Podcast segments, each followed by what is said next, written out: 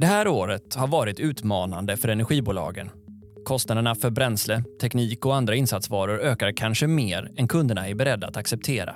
Samtidigt ökar behoven av digitalisering och nya affärer för att möta kundernas behov av flexibilitet. Kajsa Hedberg är vd på C4 Energi i Kristianstad som likt sina kollegor står mitt i den här förändringen som påverkar kassaflödet samtidigt som hennes uppdrag är att vara en drivkraft för omställningen. Det här är Energistrategipodden och jag heter Niklas Sigholm. Kajsa Hedberg, väldigt trevligt att ha dig med. Och du är vd för C4 Energi. För den eh, till äventyrs eh, som inte känner till att vad C4 Energi är för något. Skulle du vilja sätta det på kartan för oss? Det är Kristianstads egna energibolag. Vi producerar ju då el eh, via kraftvärme och vi har en större solcellspark. Men, och vi tillhandahåller ju då fjärrkyla och eh, fjärrvärme i centrala Kristianstad och även då fjärrvärme i Åhus. Och sen har vi elnätsverksamhet och det, vi har då nätkoncession i centrala staden och även då i, i Åhus. Och sen så producerar vi biogas. Vi eh, jobbar med elförsörjning och vi har både som sagt elnät och vi har också fibernät och fibernätet det är i, i hela kommunen. Och så jobbar vi med IoT-lösningar. Vi tillhandahåller laddlösningar och solcellsinstallationer till företag och hushåll. Vi har en ganska bred palett. Vad är ert uppdrag? Att vi ska skapa bra förutsättningar för att bo och verka i Kristianstad. Men om man tittar i våra ägardirektiv så står det ju att våra verksamheter är viktiga delar i utvecklingen av ett attraktivt och uthålligt samhälle. Och vi ska ju då i del, i, som, som del av klimat och miljöplanen se till att bidra till utvecklingen mot det förnyelsebara samhället och att vi då också ska stärka hållbarheten och cirkulära eh, ekonomin. Och en viktig del i det också är att vi ska samverka med andra delar av eh, kommunkoncernen. Samtidigt kan man ju säga som jag säger att vi har en viktig del i hela den här gröna omställningen. Om vi nu tittar att transporter och industri ska ställa om till fossilfritt eh, och den utvecklingen börjar vi också se i Kristianstad. Men vi har ju nu effektutmaning så att vi har ju liksom inte tillräckligt. Så att det, det är ju också en i grunden ett väldigt tydligt uppdrag just nu. Vi måste ju se till att vi tryggar elförsörjningen. Hur mycket mer ser ni att effekten i Kristianstad med omnejd kommer att behöva öka? Vi har ju några olika inmatningspunkter men just i centrala staden och ett större liksom, industriområde som nu byggs och utvecklas. Där har vi ju en inmatning från E.ON som ligger på 39 megawatt. Men vi börjar ju slå i taket där och vi har nu i pipen är det typ 26 megawatt och ska E.ON bygga ut regionnätet så ja, det kanske tar i bästa fall att vi kan få in mer effekt om tre år. Men det kan nog med stor sannolikhet ta fyra, fem och det kan ju till och med ta längre tid. Så att det är ju den jätteutmaning vi, vi står inför. Och som en del av det, då behovet av effekt eh, och också variabla elpriser så ser jag att ni satsar även på batterier, sol, du berättade att ni har e-, egen solpark men också solcellsinstallationer. Eh, I vilken mån eh, är det i er roll att se till att tillhandahålla den här typen av flexibilitetslösningar också?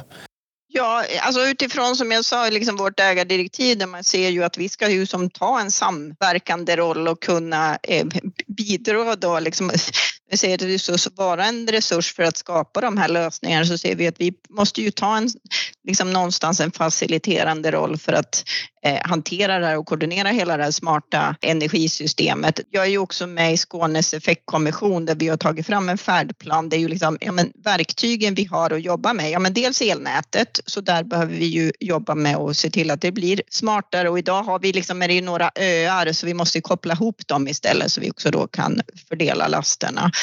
Men sen är det lagring där vi då tittar på eh, batterilagring och där har vi då dialoger och samarbete även med externa eh, aktörer för vi, kan inte, vi har inte kompetens och muskler att klara det själva utan hitta en bra lösning att göra det. Så det har vi eh, i pipen och pågår. Vi inväntar nu några politiska beslut så att vi kan sjösätta där. Men det är ambitionen att få på plats ett större batteri under, under nästa år.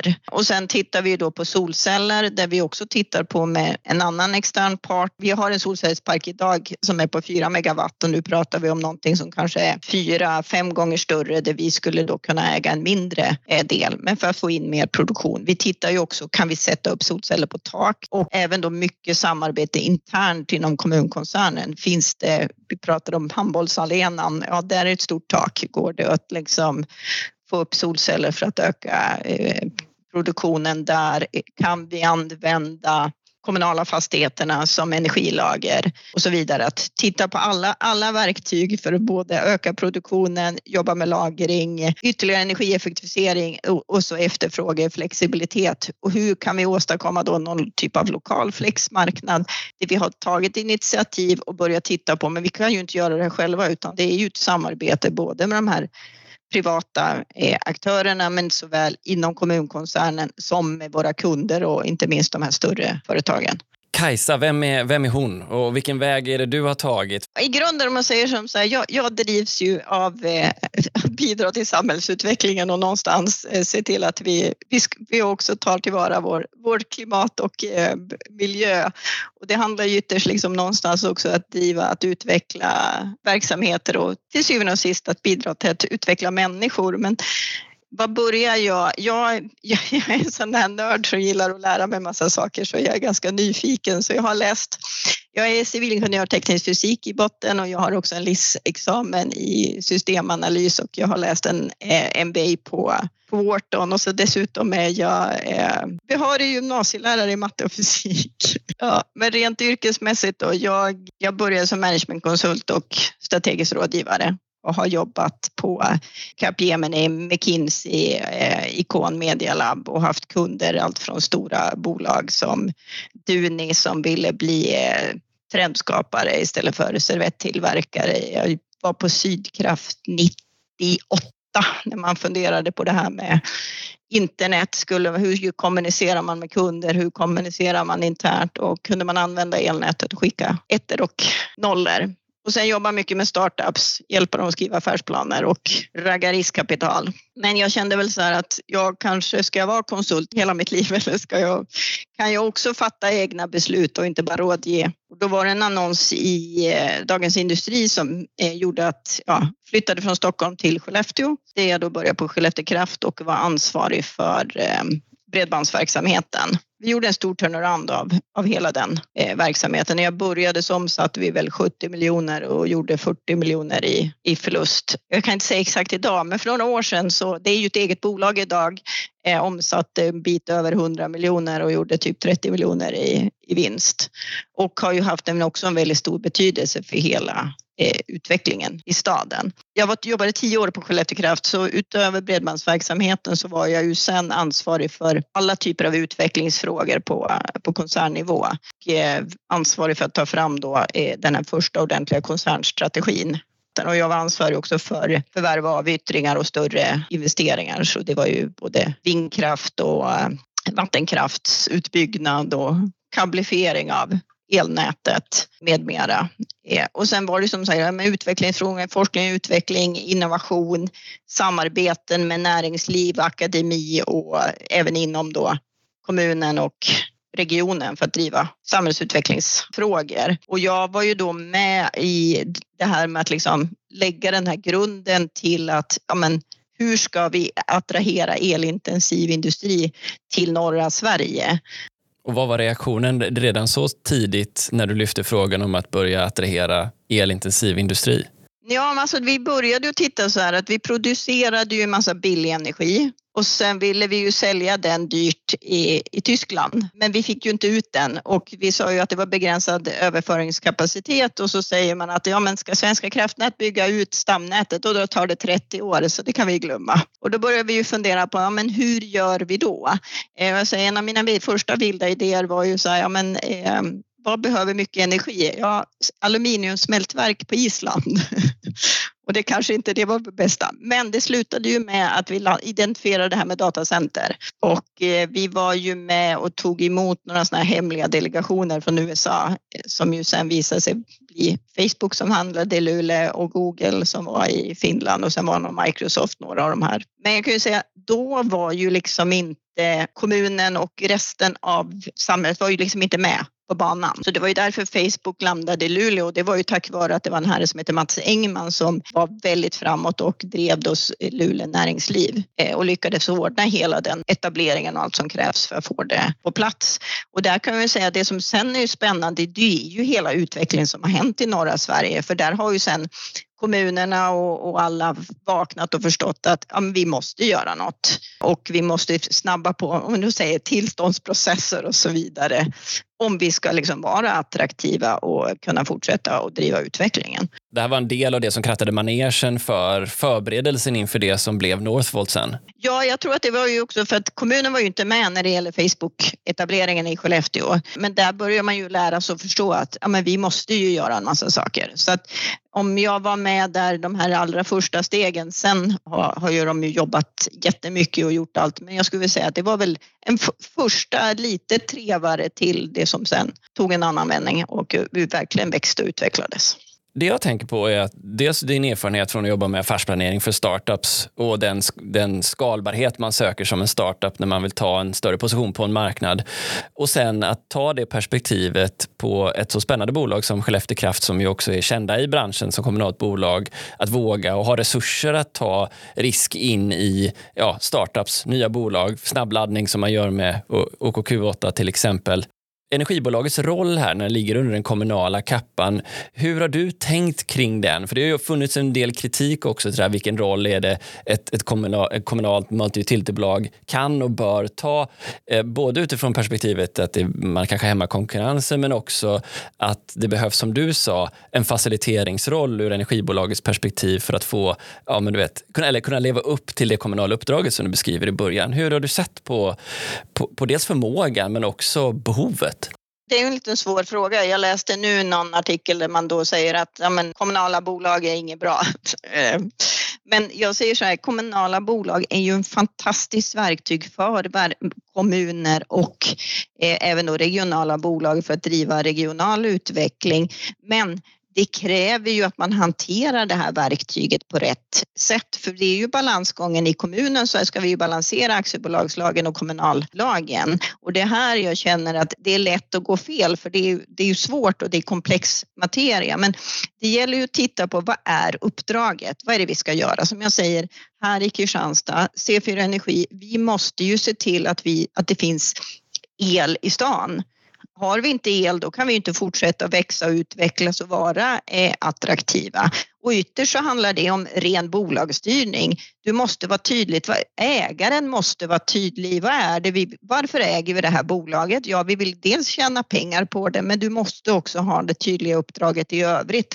Vad är det bolaget ska göra och finns till för? Jag har ju också jobbat rätt mycket med styrelsearbete, både genom mitt, mina jobb så har vi ju ägt bolag, helt del, dotterbolag i, eh, eller intressebolag där jag har jobbat i styrelsen men jag har ju också jobbat en hel del med externt styrelsearbete och där handlar det ju om att jobba också med ägarna. Till exempel jag var styrelseordförande till ett grafiskt bolag.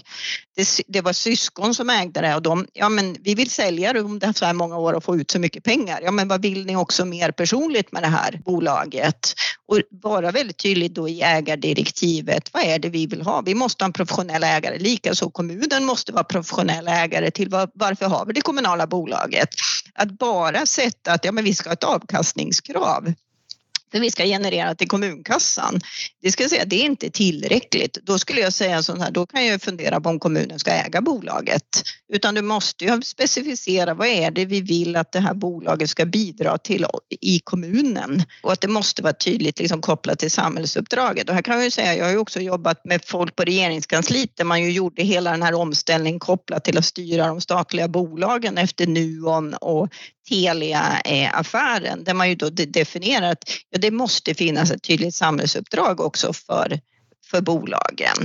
Eh, och kommunala bolag är ju, du ska jobba med hållbarheten, du jobbar med ekonomi, du ska bidra till samhällsutvecklingen och du ska bidra till miljön. Du måste jobba med alla de tre samtidigt och det är också så att har du fokus på miljöfrågorna eller samhällsfrågorna och du gör det på rätt sätt då får du också en bättre output på, på ekonomin. Om jag då tar exempel med bredbandsverksamheten, då satte vi ju målet att men varför finns vi till egentligen? Jo, men det var ju att bidra till utvecklingen. Genom bredbandet så kunde ju då Martinssons trä i Bygdsiljum som har fler anställda eh, än det bor i byn kunde ju styra sitt eh, sågverk på distans.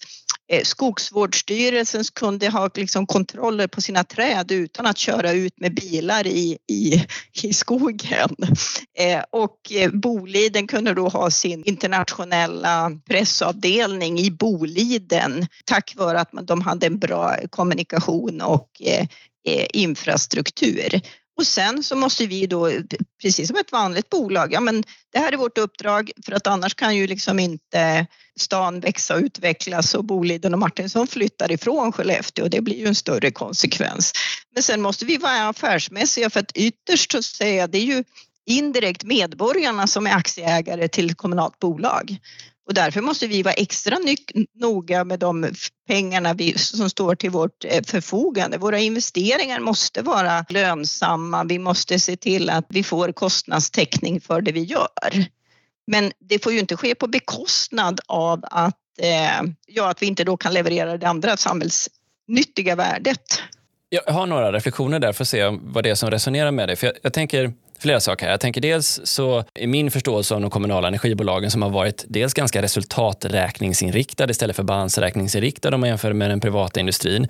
Man kommer också från en kontext där man eh, i relation till de senaste två åren i alla fall levt med en betydande marknadsstabilitet och då kunnat eh, kanske förvänta sig en budgetdriven verksamhet i högre grad än en verksamhet som behöver differentiera sig och, och sprida sina risker, kanske ta risker på ett helt nytt sätt. Och det tredje är nu när eh, ju, det krävs allt från då batterisatsningar till solcellssatsningar till satsningar på elnätet så ökar ju behovet av investeringar och därmed ökar också balansräkningen om man tar på sig en viss risk och värdet och vikten av vilken risk man är beredd att, att lasta in i sin balansräkning blir viktigare.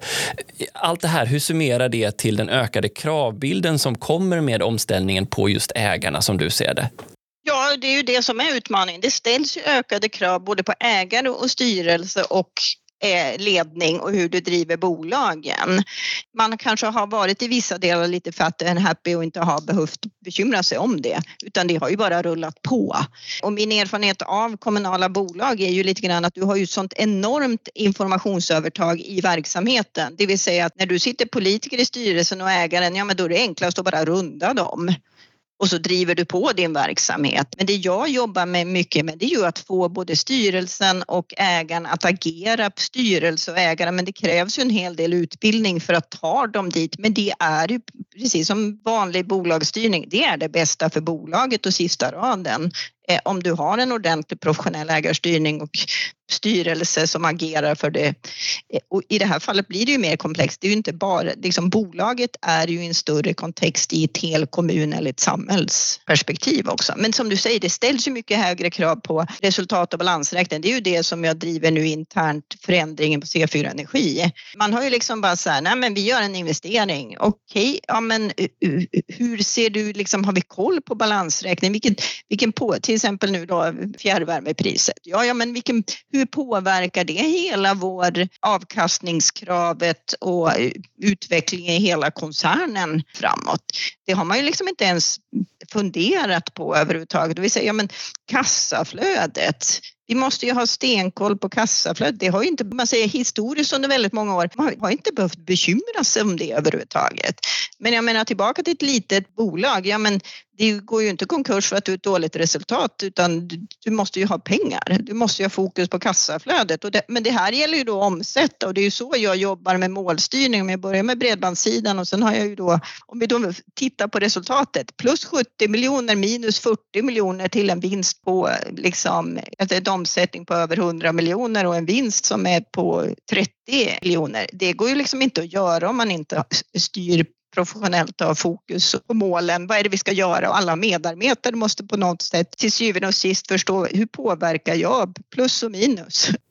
Jag kan tänka mig att den här utbildningen blir, eh, blir särskilt eh, tillspetsad i exempelvis frågan om prissättningen av fjärrvärme. Där har ni ju haft en stor eh, lokal debatt med mycket insändare i, i, i, i, den lokala tidningen har jag sett eh, med eh, öppna brev som är skrivna till kommunledningen när man beklagar sig över hur ni har höjt priserna eh, med 15 procent och du får skarp kritik från fastighetsägare i Kristianstad. Det har varit en annan svart rubrik som, som har dykt upp och då hamnar ju politiken där mitt mitt emellan där de å ena sidan då ska förstå vilken extra risk man behöver bära genom att man inte kan överföra kostnaden för pris, prishöjningarna i bränslesektorn till, till kunderna samtidigt som det ju får då en effekt naturligtvis på den riskaptit man tar på sig om man inte kan göra det av olika politiska skäl.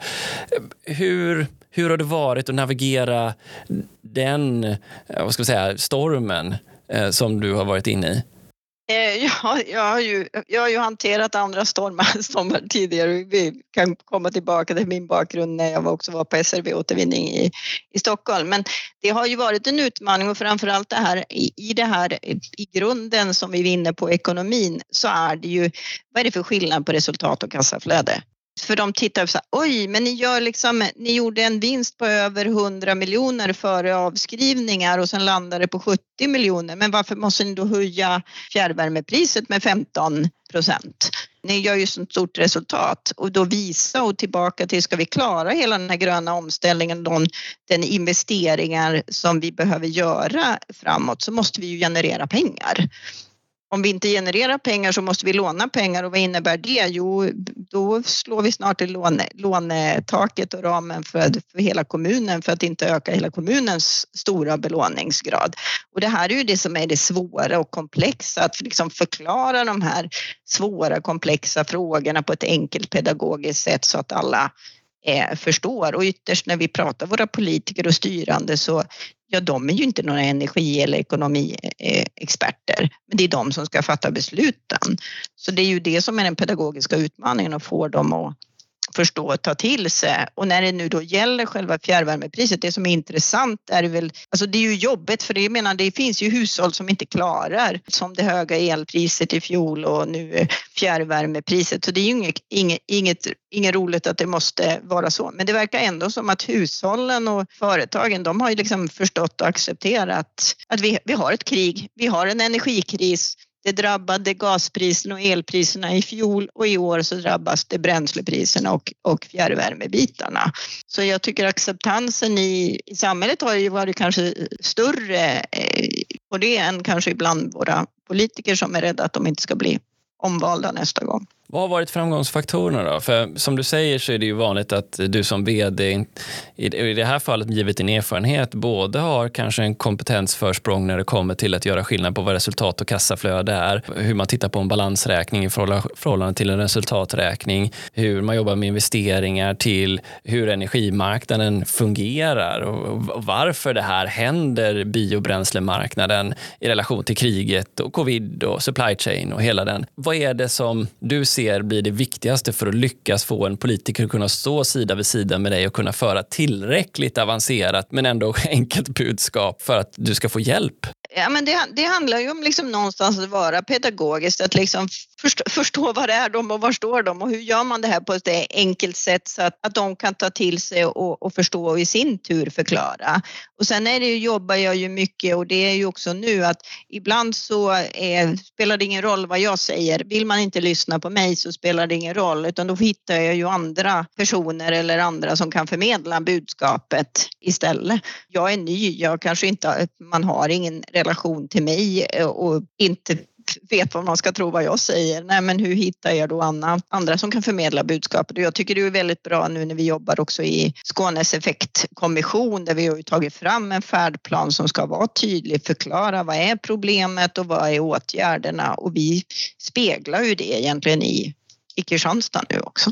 Innan vi lämnar den här frågan om, om prishöjningarna så förstår jag, givet vad biobränslepriserna har gått, att ni inte kan ta över hela eh, risken så att säga som ni får bära över på kundkollektivet. Så att det, är någon form av kompromiss här för er. Men hela den här processen där ni måste sätta ett pris per år, där ju biomarknaden uppenbarligen inte uppdaterar sina priser bara en gång per år. Och det är inte självklart alltid att du ska liksom, eh, hedga 100 procent för det medför risker också. Det vill säga att du ska binda upp alla sina priser.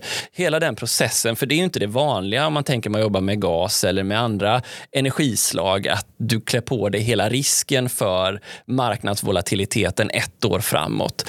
Eh, där sticker ju fjärrvärmen verkligen ut. Vad är din reflektion kring, kring det och den processen?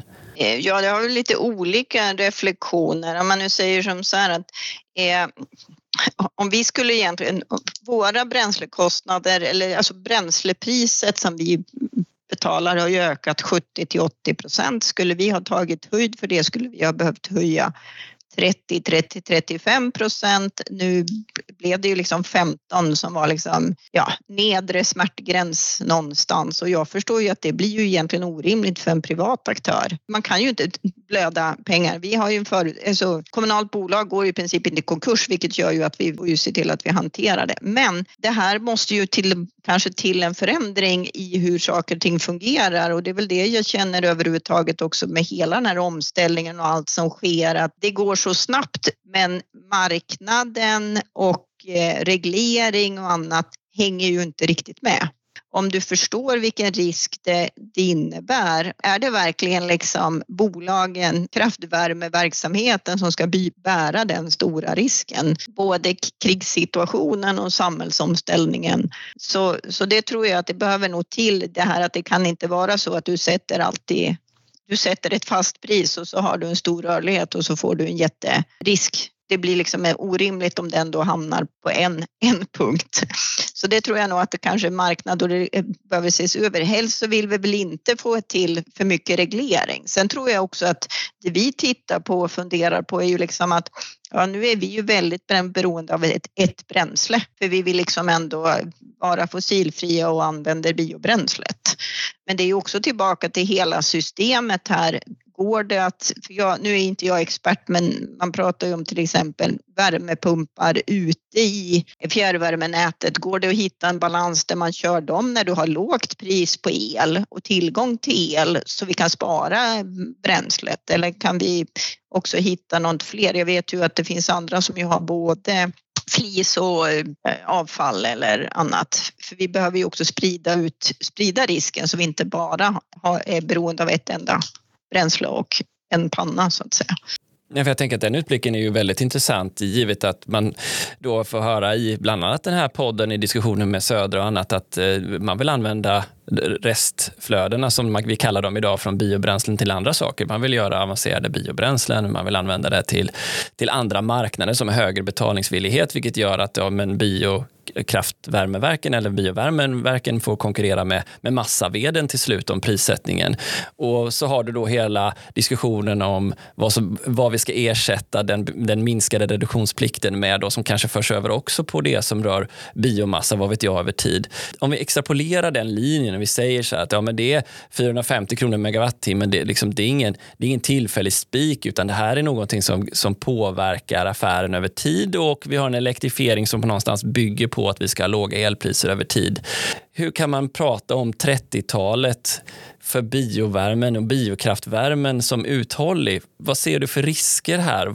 Vad kan hända om det här är så att du, som du säger nu, klär på större risk på den här anläggningen över tid när du inte kan prissätta den för vad den egentligen kostar och alternativet, exempelvis värmepumpar med allt fler låga elpriser, blir ett rejält alternativ som äter upp på ja, med kapacitetsfaktorn för den här stora basinvesteringen som du har gjort. Vart leder den tanken dig? Ja, alltså, då vill jag ju stoppa in en annan grej så är det ju så här att har vi inte kraftvärmeverket då blir det mörkt i Kristianstad. Inmatning 39 megawatt. Hade vi inte värmen som uppvärmningskälla och möjligheten att producera el, då hade vi ju inte tillräckligt med el kraftvärmen är ju det som gör att, att, vi, att vi klarar eh, hela elförsörjningen som det ser ut. Så den har ju en kritisk roll i hela energisystemet. Och det är därför vi ser att den är en väldigt viktig komponent och så måste vi hantera all, alla de andra. Att vi kan inte bara titta på den här isolering som en värmekälla utan den är en kritisk resurs i hela energisystemet och det som kanske förut då vi pratar om, ja men det har inte varit lönsamt att bygga fjärrvärme till de här områdena. Men då kan det om vi då säger att det är sättet att avlasta elnätet. Om vi inte bygger Eh, Eh, fjärrvärme och det ska vara eluppvärmning, ja men då har vi inte tillräckligt med elförsörjning överhuvudtaget. Så jag tror också att det vi behöver titta på det är ju hela liksom affärsmodellen och, och hela systemet. Hela branschen och hela marknaden och allting det bygger ju på att vi har storskalig produktion i norr, vi har stamnätet, regionnätet, lokalnätet och så konsumerar vi elen och varje del sköter sig själv.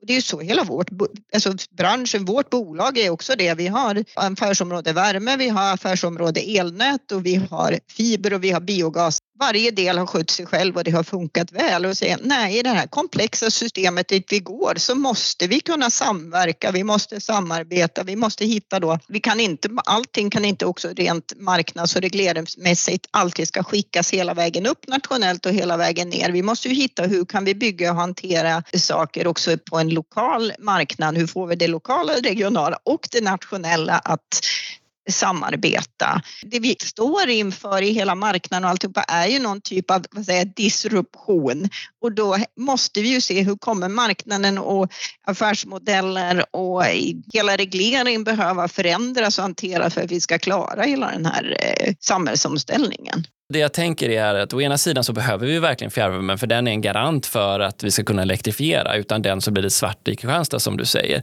Å andra sidan så har en affärsmodell som jämte alternativen sett ur ett kundperspektiv kanske kostar 80-90 öre att producera samtidigt som du då har alternativ som en, en privat installerad värmepump som kan leverera ett kopvärde på 4 på en marknad som i snitt kostar 80 öre. Det är en tuff konkurrenssituation på 30-talet att ställas mot. Så du behöver fjärrvärmen för alternativet går inte. Men samtidigt så är konkurrenssituationen givet dagens marknadsdesign eh, ganska svår att upprätthålla. Ja, det kan det ju vara, men däremot det vi tittar på är ju när vi prissätter så måste vi ju prissätta i förhållande till alternativen. Men det är klart att om då kostnaderna gör att det blir svårt att få ihop det, det är då vi måste titta på vad och hur kan vi göra för att ändå få, få ihop det. För det sätter ju randvillkoret. Det får ju inte vara dyrare i slutändan. Men om det är så att vi har ett bränslepris och vi bara ska elda biobränsle och det går upp och det går inte ihop, då blir det ju svårt. Men det är ju där vi måste då fundera på vad och hur och på vilket annat sätt kan vi göra och hantera det. Hur ska vi till exempel då, ja men vi kanske ska ha en mer, förut har vi inte kunnat räkna hem en ackumulatortank, men kan vi då se till att vi kan producera el när det är dyrt Eh, och, och ha en större möjlighet att göra det och kanske avlasta elnätet och få in någon ytterligare liksom intäktsström på det sättet. Vi ser ju också nu när vi nu driver utvecklingen i bolaget är att titta på dels som vi säger att vi har tre tydliga mål. Vi måste generera mer pengar så vi kan investera. Vi måste vara närmare våra kunder och vi måste ha medarbetare som utvecklas och presterar. Men sen så utifrån det här så har vi ett tydligt initiativ. Det är ju det, här, det, nya energisystemet. Vi tittar på varje komponent, kraftvärmen. Vilken roll ska det ha? Och hur ska e- elnätet, hur ska IoT och alla andra aspekter fås ihop? Så det är ju en viktig fråga att lösa vi kan inte lösa den själv men det är en fråga som behöver lösas liksom både lokalt, regionalt och hela nationellt. Och då går det inte att bara titta på flispris liksom, i isolering. Om vi nu tänker på den situationen som ni befinner er i, effektsituationen, eh, där ni behöver mycket mer kapacitet, så får ni också en situation där kunderna genom bland annat era lösningar för batterier kan bli mer flexibla. Och där är det klart att vi har jobbat historiskt med, med prima abonnemang där man har fått hela sitt effektuttag, men eh, man kan göra mycket mer givetvis om man skulle hantera det här på ett smart sätt. Eh, I vilken mån är det, kan elnätet utvecklas här för att både stötta och prissätta det värdet som den lokala elproduktionen står för, men också hantera det faktum att vi får mycket mer eh, styrbara eller smarta kunder och lastpunkter. Vi tittar på elnätet nu. Det är ju byggt som några öar i Kristianstad, men vi måste ju hitta sätt att kunna fördela lasterna mellan då, för nu är det ju centrala Kristianstad C som är vårt problem. Vi har snart problem med norra, men vi har ju idag inte en hopkoppling så att vi kan fördela. Så även där kommer det med stora investeringsbehov som ligger framför er? Ja, och vi har ju vi har väl underinvesterat i elnätet under en lång period. Det är de senaste två åren vi har börjat och verkligen, men tidigare då fem, tio år före så har vi ju investerat 400 kronor och kund och år i elnätet. Om genomsnittet i Sverige har legat på lokalnät på 2000 kronor. Framåt så ser det ut att öka kanske till närmare 3000. Vi behöver och ligger ju nu då på 4000 kronor kund och år i vårt elnät framåt. Så det är ju en enorm ökning av behovet av investeringar. Och, och, och, den diskussionen om, om, om de prisökningar som du givetvis också måste komma till kunden via elnätet, har, har de börjat dyka upp också? De tog vi i fjol. Då, fick vi ju, då var det ju väldiga, väldiga rabalder just att någon räknar hit och dit och beroende på hur man räknar procent eh, hit och dit så var det ju katastrof för då kunde det vara väldigt mycket. Och det är klart att det är dyrt men det är ju hela situationen. Det är klart att det är jättejobbigt nu när alla, alltså, alla utilities ökar i kostnad och det drabbar i slutet slutkund. Men någonstans verkar det som att man har ändå någonstans förstått och accepterat att det är så nu när det blev så många grejer på det hela. Men den dialogen, diskussionen fick vi ta i i fjol och den landade vi. Sen var det ju så här att under det här året så sänkte ju då genom att Svenska kraftnät satte sitt tak och då eh, begränsade eh, kostnaderna. Och E.ON har ju haft tidigare en, en, mer fast men ville gå till en rörlig del precis som Svenska kraftnät. Men då pausade ju Svenska kraftnät satte ett tak och sen innebar det E.ON sänkte ju sina eh, regionnätstariffer bara halva andra, ena halvan av året i år. Men eftersom vi då låg där vi ligger, vi ligger nära intäktstaket men eh, ändå under så valde vi att inte justera utan ligga fast med våra priser under det här året, vilket gör att vi är lite räddade av det inför kommande nästa år. Generellt så kommer vår ökning nästa år att på ett genomsnittligt bli inte, inte så mycket, det blir en procent. Men vi går ju över till att göra en större del rörlig så det kommer ju vara mer beroende på kundernas effekt och energitag. Vilket gör ju att för vissa kunder kommer det att bli dyrare. Men andra kommer att få sänkt avgift. Men hur ser du på utvecklingen av prissättningen av elnätet då för att få rätt styrning, rätt typ av beteenden i nätet? Hur resonerar ni där? Svenska kraftnäts modell läggs ut, Eon anammar den och vi lägger över den till våra kunder för här måste vi minska vår risk. Där för vi ju vidare men att liksom det som är fast ligger i den fasta och sen blir det ju då kopplat det som är mer rörligt både på energi och effekt går till att vara det och det gör ju också att kunden, det är ju enligt de föreskrifterna och dit, alltså både EU och EU vill att vi eh, styr.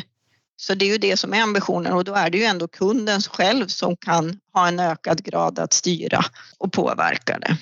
Jag läste här om en eh, batterihjälte ni har som kund som heter Stefan. Eh, och där så installerar ni batterier och ni pratar om växelriktare och teknik som förbereds för vehicle to grid, lokala solceller på taket och en automatiserad styrning av den här mm, privatpersonens fastighet. Det är trots allt en stor digitaliseringsresa som hans förmodligen privatbostad går igenom. Men om man översätter den digitalisering in i er verksamhet så skulle man ju lätt kunna tänka sig att ni behöver då väldigt snabba och bra prognoser för allting från fördelningsstationer till nätstationer för att förstå hur ni ska hantera eh, congestion eller flaskhalsar i nätet. Eh, ni behöver förmodligen också, antar jag, då kunna prissätta det och det kan ske delvis i relation till vilken el som kan produceras från kraftvärmeverket till hur andra aktörer som kanske installerar, vad vet jag, eh, möjligheter att avlasta nätet på olika sätt genom ja, en gasturbin eller om det är ni som har det på något sätt. Det är, hur man även vrider på det, lika stor digitaliseringsresa som käre Stefan här har gått igenom fast för en mycket större, bredare och för all del mer komplex infrastruktur. Och det, ni går från en historia in i den här framtiden. Hur och vad är framgångsfaktorerna för att lyckas med den förmågeökningen? Jag tänker att det går ju fort också. Ja. Tillbaka till disruption. Alltså, det, det, det susar ju bara, som jag gör, brukar göra i illustrationen, att ja, men vi, har ju, vi har ju hållit på som vi alltid har gjort, det vill säga vi har ett glas som går längs bordet, men det går jättebra. Plötsligt kommer en kant och om inte vi gör någonting, vad händer då? Jo, glaset ramlar i golvet och är det ett stengolv så blir det, går det i tusen bitar. Eh, och det här är ju, men det här är ju lite grann tillbaka till att jag har ju, det här är ju det jag har sysslat med yrkesmässigt, att driva förändring och utveckling.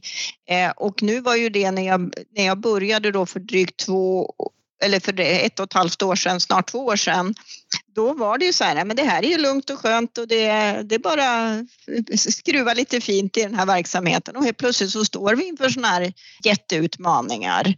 Det behöver göras och det ska till, men det är ju en, en stor utmaning. Men som jag säger, som jag jobbar med de här frågorna är ju att väldigt tydligt vad är uppdraget? Varför finns vi till? Tydliggöra mål. Som vi säger, vi har tre mål som vi ska uppnå. Som vi nu då bryter ner och ripplar ner i hela organisationen där det blir liksom, vad är prior, vad är fokus, vad är det liksom var och en gör för åtagande egentligen på veckobasis för att bidra till de övergripande eh, målen. Och sen de här strategiska initiativen där det ena är det här med hur ska alla våra pusselbitar samverka för att klara det här eh, smarta energisystemet där inte minst IoT är en bit eh, att hantera det. Sen pratar vi om digitalisering. Vi måste ju ha digitala gränssnitt emot våra kunder som ökar mervärdet för kunderna eh, och dessutom effektiviserar våra interna processer. Vi tittar också på hur ser våra processer ut? Hur kan vi digitalisera det? För jag menar, det är ett jättehopp. Vi har väldigt mycket Excel och manuell hantering och vi ska ju egentligen gå som du säger till att eh, ja, köra AI eller vad annat. Så det handlar ju verkligen om att säga, leapfrog eh, hantera det. Men jag brukar göra jämförelsen att hela samhällsomvandlingen vi nu står inför det är ju lite som när vi elektrifierade Sverige i slutet av 1800-talet, början av 1900-talet. Vi hade, och jag brukar där utmana politikerna, där var det väldigt många modiga politiker som byggde kraftverk och man byggde elnät för att skapa förutsättningar för industrin som la hela grunden till hela den utveckling vi har sett i Sverige under liksom senaste hundra eller över hundra åren. Och vi står inför en samma stor typ av utmaning här och nu. Det handlar om att verkligen förändringsledning och förändringsutveckling och ta tillvara all den teknik och resurser som står till buds för att göra det. En sak jag funderar på det är hur man hanterar det som, som vd på ett kommunalt energibolag. För du som också sett och lett inkubatorsverksamheten i Sverige vet ju att det här är inte bara en fråga om att ha rätt, det är också en fråga om att ha rätt timing. Eh, väldigt bra idéer kommer och dör och så, och så kommer en kopia på dem och det är plötsligt så är tajmingen rätt och de lyfter och så tar de fart och så är alla jätteglada så glömmer man, kommer man bara ihåg entreprenören som gjorde det vid rätt timing, man glömmer bort den som hade samma goda idé tre år för tidigt. Eh, men men ni, eh, det är mina ord här såklart, men ni får inte på samma sätt göra fel. Eh, I alla fall inte i någon större utsträckning eftersom man inte vill riskera kanske på samma sätt utan helst är van av, kanske också historien, att man gör rätt. Gör man rätt så överlever folk i den här branschen och så det är en, en väldigt viktig del av, det, av förvaltningsorganisationen också. Men just den här kombinationen mellan å ena sidan då kunna bära, hantera risk, satsa, precis som du säger, våga vara modig. och andra sidan då bibehålla och försvara väldigt viktiga samhällsinvesteringar. Hur resonerar du kring det? Ja, alltså först måste jag bara koppla tillbaka till det där du sa om de här eh, smarta grejerna. Eh, jag jobbade på Icon Media Lab där i slutet, 1900, slutet av 1990-talet och jobbade med Electrolux och Ericsson om de här smarta kylskåpen och annat och det var ju alldeles för tidigt. Idag finns de. Eh, på Skellefteå Kraft så jobbade jag ju då med bland annat NEC i Japan och universiteten och vi jobbade med batterilösningar för att det var kopplat till det här med Fukushima och de hade brist på el och man hade det då batterier i fastigheter och kvarter för att kunna till, ha el under viss tid. För elen var bara och så laddade man upp dem så man kunde ha lite mer elförsörjning. Och då tittade vi på vad och hur kan vi använda det här och vi tittade på det här med smarta mätare och kunna styra annat. Men det var ju liksom tidigt, men det kommer ju. Så de kommer ju tillbaka förr eh, eller senare så det är bra att man har lite kunskap och komma. Men det är ju det här som är lite det du är inne på att ja, men vi är samhällsviktiga. Vi har en samhällsviktig eh, funktion och därför så måste vi ligga det i basen och grunden. Samtidigt som du säger, vi måste ta eh, viss risk och men det måste ju vara en väldigt strukturerad och medveten risk. Och hur hittar vi då balansen till också minska risken? Och det är där som jag ser nu när vi då pratar om att göra de här investeringarna där vi då bildar bolag med en annan privat eh, eller offentlig aktör som kanske har pengar och mer kompetens. Det är ju ett sätt att minska risken. För att det är också viktigt att vi, vad gör vi av med våra pengar och annat? Och, det är också tillbaka till det du pratade om kommunala bolag, att vi måste veta att vad är det vi som kommunalt bolag ska göra och inte göra? Till exempel när jag var i Skellefteå så konstaterade jag att ja, men jag hade fastigheter som jag hade Scandic som hyresgäst och Skatteverket och konsultbolag. Det är ju inte vad ett kommunalt bolag ska hålla med. Så vi avyttrar de verksamheterna för att frigöra pengar för att kunna då investera dem i energiverksamheten. Där tittar vi ju också nu till exempel att ja, men hela eh, vår fibernät eh, så är det ju så här att nu har vi byggt ut det och vi har ett uppdrag i kommunen att se till att alla har en möjlighet till tillgång till fiberlösning. Men jag säger som så här, vårt huvuduppgift kan ju inte vara att säkerställa att folk kan surfa och spela spel. Men däremot så har vi ju en fantastisk tillgång och huvuduppgiften måste ju vara att vi kan nu hantera energisystemet.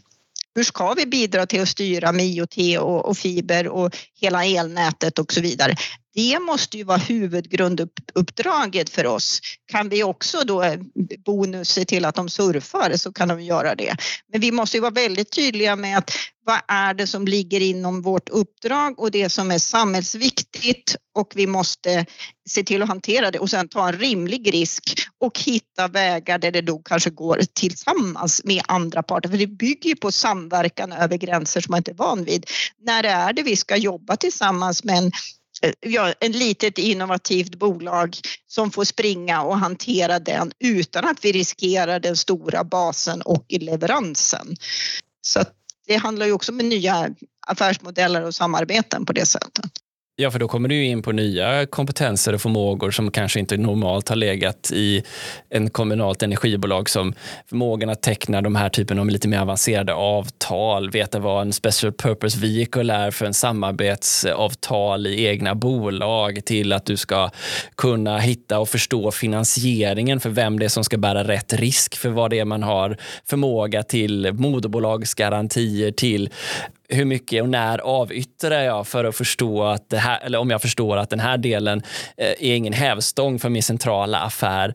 Alla de områdena är ju på sätt och vis, skulle jag vilja hävda, nya kompetenser som behöver föras in i bolaget. Håller du med om det? Ja, jag tror det, det är ju som du säger, det här är ju därför jag tycker det är så spännande med kommunala bolag och jag som ju har jobbat med eh, allt möjligt och eh, omöjligt när det gäller att styra och leda eh, verksamheter och bygga annat. Men i grunden som du säger, du måste ha tydligt vad är det du ska göra och du har ägare och du har styrelse och annat. Men det som jag är också en erfarenhet är ju det här att som du säger med risken, det finns ju också det här att man tycker att oj, men det här var ju kul och spännande, det här springer vi iväg och gör för vi har en möjlighet eller vi har pengar över eller det kan vara bra. Och där finns ju faktiskt då risk att det kommer in lite oseriösa aktörer och utnyttjar den situationen. Eller att man ger sig ut på någonting som faktiskt inte är inom uppdraget och strategin för att uppdraget och strategin är inte tillräckligt tydlig. Och där är tillbaka till att utbilda styrelse och ägare ännu mera för att hantera den biten. Men som du säger också, det är ju en väldigt bred kompetens. Jag, säger, jag brukar ju skämtsamt säga att driva ett, ett, privat bolag, det är ju enkelt för det handlar ju bara om att maximera ekonomiska vinsten. Men sen gäller det också att ha tydlig koll på styrningen och strategin. Att, att bygga ett konglomerat bara för konglomerat är, eh, är eh, kul, det kan, ska jag ju inte göra, men det är egentligen att tillämpa samma principer på offentlig verksamhet som är viktigt. Och det där tror jag att det är man kanske inte så van vid för att hela jag hörde någon som sa, jo men det var Svante Axelsson som sa det att hela Sverige är ju uppbyggt för att förvalta. Och nu pratar vi inte om förvaltning, nu pratar vi om utveckling. Och då finns det ju risk då som du säger att man kanske springer iväg och gör något som man inte, inte ska för man inte har kunskapen och erfarenheten. Så det tror jag att man behöver eh, bygga upp. Jag var ju VD på SEB Återvinning i Stockholm och jobbade med avfallshantering och återvinningsfrågor. Och där var det också så här att man är i sitt lilla silo eh, och då tyckte man att ja, men vi betalade 350 kronor tonnet för att leverera bränsle till kraftvärmeverken. Och så ville kraftvärmeverken öka det till 500 kronor tonnet. Och så var mina medarbetare bara arga på, ja men de är bara dumma. Eh, och då sa jag, men vi kanske behöver ta ett samtal. Så vi hade samtal då med Fortum, Vattenfall och Söderenergi och konstatera att deras problem var ju att när vi levererade bränslet så var det ju alldeles för eh, ja, men ojämnt och dåligt så då kunde vi ju räkna hem en investering och krossar och se till att de hade mer, ett bättre bränsle helt enkelt. Så kunde vi fortsätta att leverera för 350 kronor tonnen och våra konkurrenter fick betala 500 kronor eh, tonnet. Men det här var ju liksom inte, nej men vi pratade liksom, ja men Fortum och Vattenfall och Söderenergi, liksom, de pratar ju inte vi med. Jo, vi måste kunna prata också i, förstå hela leverantörskedjorna och sam, kanske samarbeta och hitta andra affärsmodeller. Men jag tänker då när, när det blir så där, för det låter ju som att det är en spaning och som jag också hört tidigare då såklart att vi, vi ser att de här typen av affärer leder till en, ett, ett, en djupare förståelse av varandras värdeflöden för att kunna hitta rätt typ av affärer. Eh, och, och, precis som du säger, det, det, i den här omställningen så är det klart det finns många gold diggers där ute så att det finns risk i att gå in i samarbeten också man måste veta vem och vad och hur man gör. Man måste känna sina partners på ett bra sätt. Hur översätter det också till förmågan att ploga brett? För jag menar, biogasaffären som ni är inne i är ju en avancerad affär som också ska utvecklas mycket. Som du nämner, nu har kanske inte ni har det specifikt, men vissa har ju vatten också och avfall som du nämner här som också kan vara avancerade affärer. Kraftvärmen ska gudarna veta, det framåt är en avancerad affär. Det är elnäten också. Det finns så många områden som nu samtidigt går in i en ökad komplexitet. Vad tycker du om det? Det behöver inte nödvändigtvis innebära att man, man tycker att man borde göra om någonting, men hur hanterar man i så fall det att det här inte bara sker inom ett område utan att det är alla områden samtidigt? Men det är väl det som är extra spännande. Det är därför jag har världens roligaste jobb. Det var ett positivt sätt att se det. Om jag, om jag säger som så här då, för att jag har ju varit på lite olika ställen. Och nu måste jag också bara säga en sak, som det, det du sa det här med flödena. Och det är en grej som jag lite har varit inne på. Vi var, berörde det också, men det är det flis och eh, bränslen. Här tror jag också är en sån nyckel att verkligen förstå alltihopa. Jag var ju också involverad i, nu kommer jag faktiskt inte ihåg vad det hette, men det var Umeå Energi, eller Umeå universitet, Linköpings universitet och Lantbruksuniversitetet plus några av våra stora eh, skogsägarna och andra industrier som prat, tittade just på det här med alltså bio hur ska biobränslet eller vår biomassa gå och räcka till allt vi vill använda den till? Så jag tror att här handlar det också ytterligare att titta på de samarbeten och andra, så det är kanske också en nyckel till hur vi löser liksom flisen och, och, och fjärrvärmens eh, roll. Men som du säger, de här det ökar ju komplexiteten och jag är ju en sån som tycker det är ju väldigt spännande att se de här olika systemen och hur de hänger ihop för någonstans hänger ju de här pusselbitarna ihop när jag då var, om jag då bara kort kopplar tillbaka, jag var ju på Skellefteå Kraft och sen så var jag då VD på SEV Återvinning söder om eh, Stockholm. Men sen var jag då på SISP eh, och jobbade med innovation. Sen var jag då till E.ON eh, och eh, tog hand om biogasverksamheten.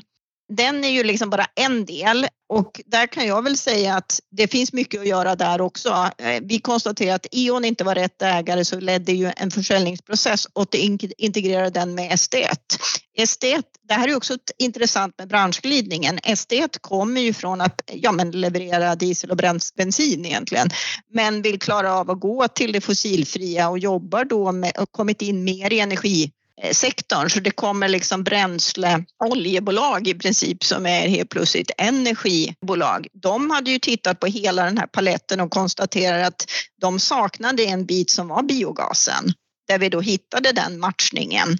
Och tillbaka till värde, jag tittade du bara på biogasverksamheten ur ett EON-perspektiv så kanske man inte såg så mycket värde men helt plötsligt så satt den i ett, i ett annat pussel där den hade ett mycket större värde och fyllde en helt annan funktion.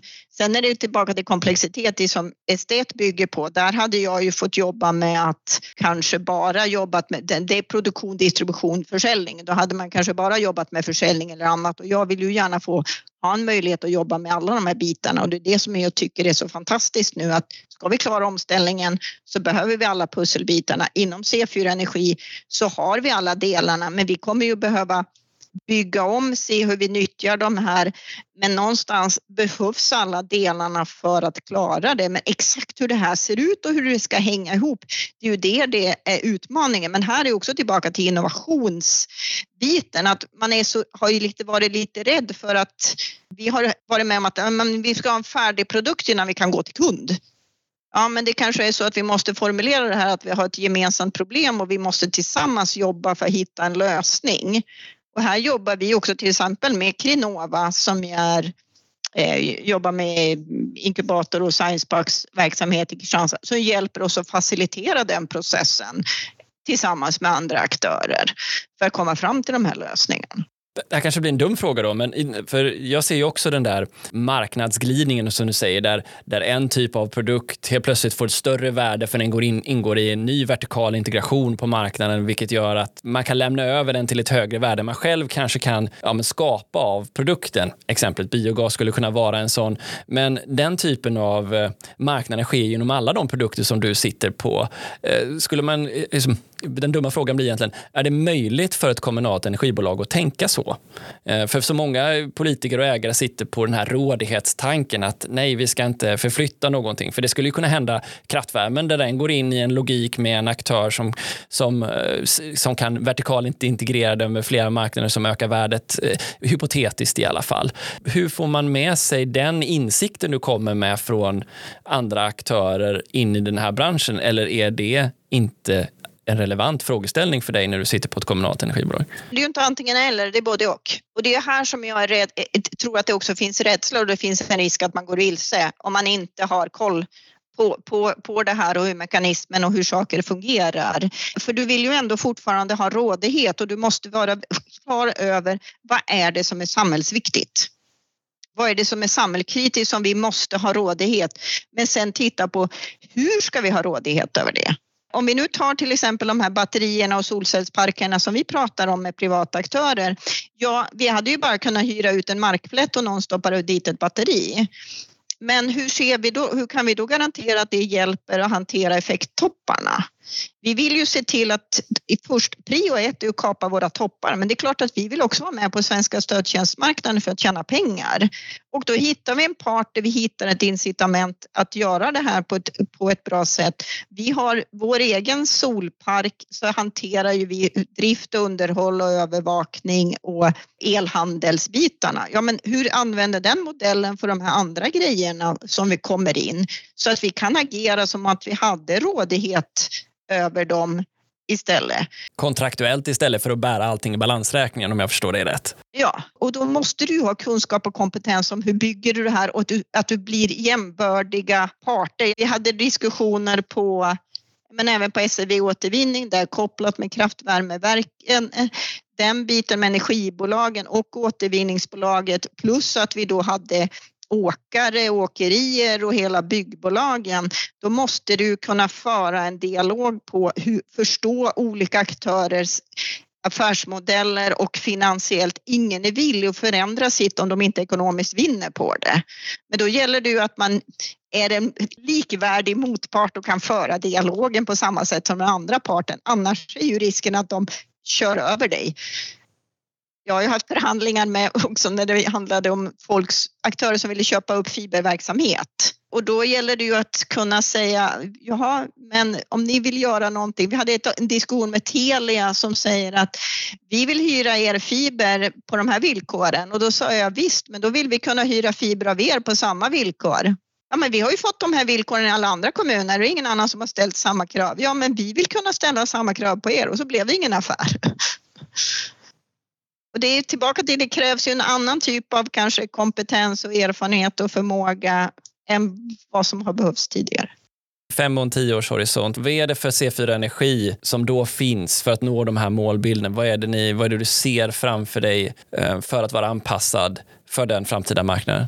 Var ska vi börja någonstans? Ja, men dels så har vi ett, ett, smart, ett, ett smart elnät som kan distribuera energin så den är där den behövs, eh, när den behövs. Eh, vi har kunder som inte har elnätsabonnemang som är tio gånger större än vad de kanske behöver utan det är mer dynamiskt eh, anpassat och att kunderna också kan anpassa sitt effektuttag utifrån hur det ser ut hos, hos grannen. Lite grann som man säger på Färöarna där det ena grannens bilbatteri eh, hjälper till att styra tvättmaskinen hos den andra eller förse el hos grannens eh, eh, tvättmaskin.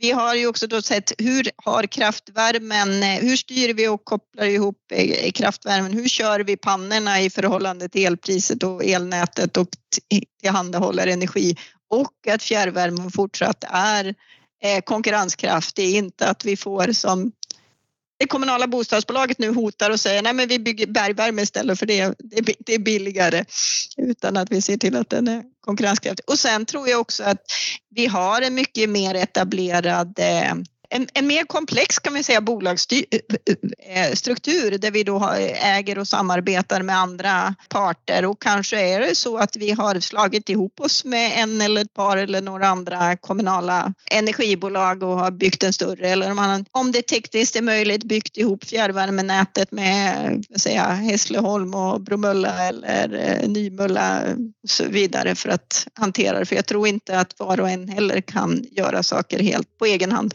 Tack så hemskt mycket för att du tog dig tid att vara med i Energistrategipodden, Kajsa.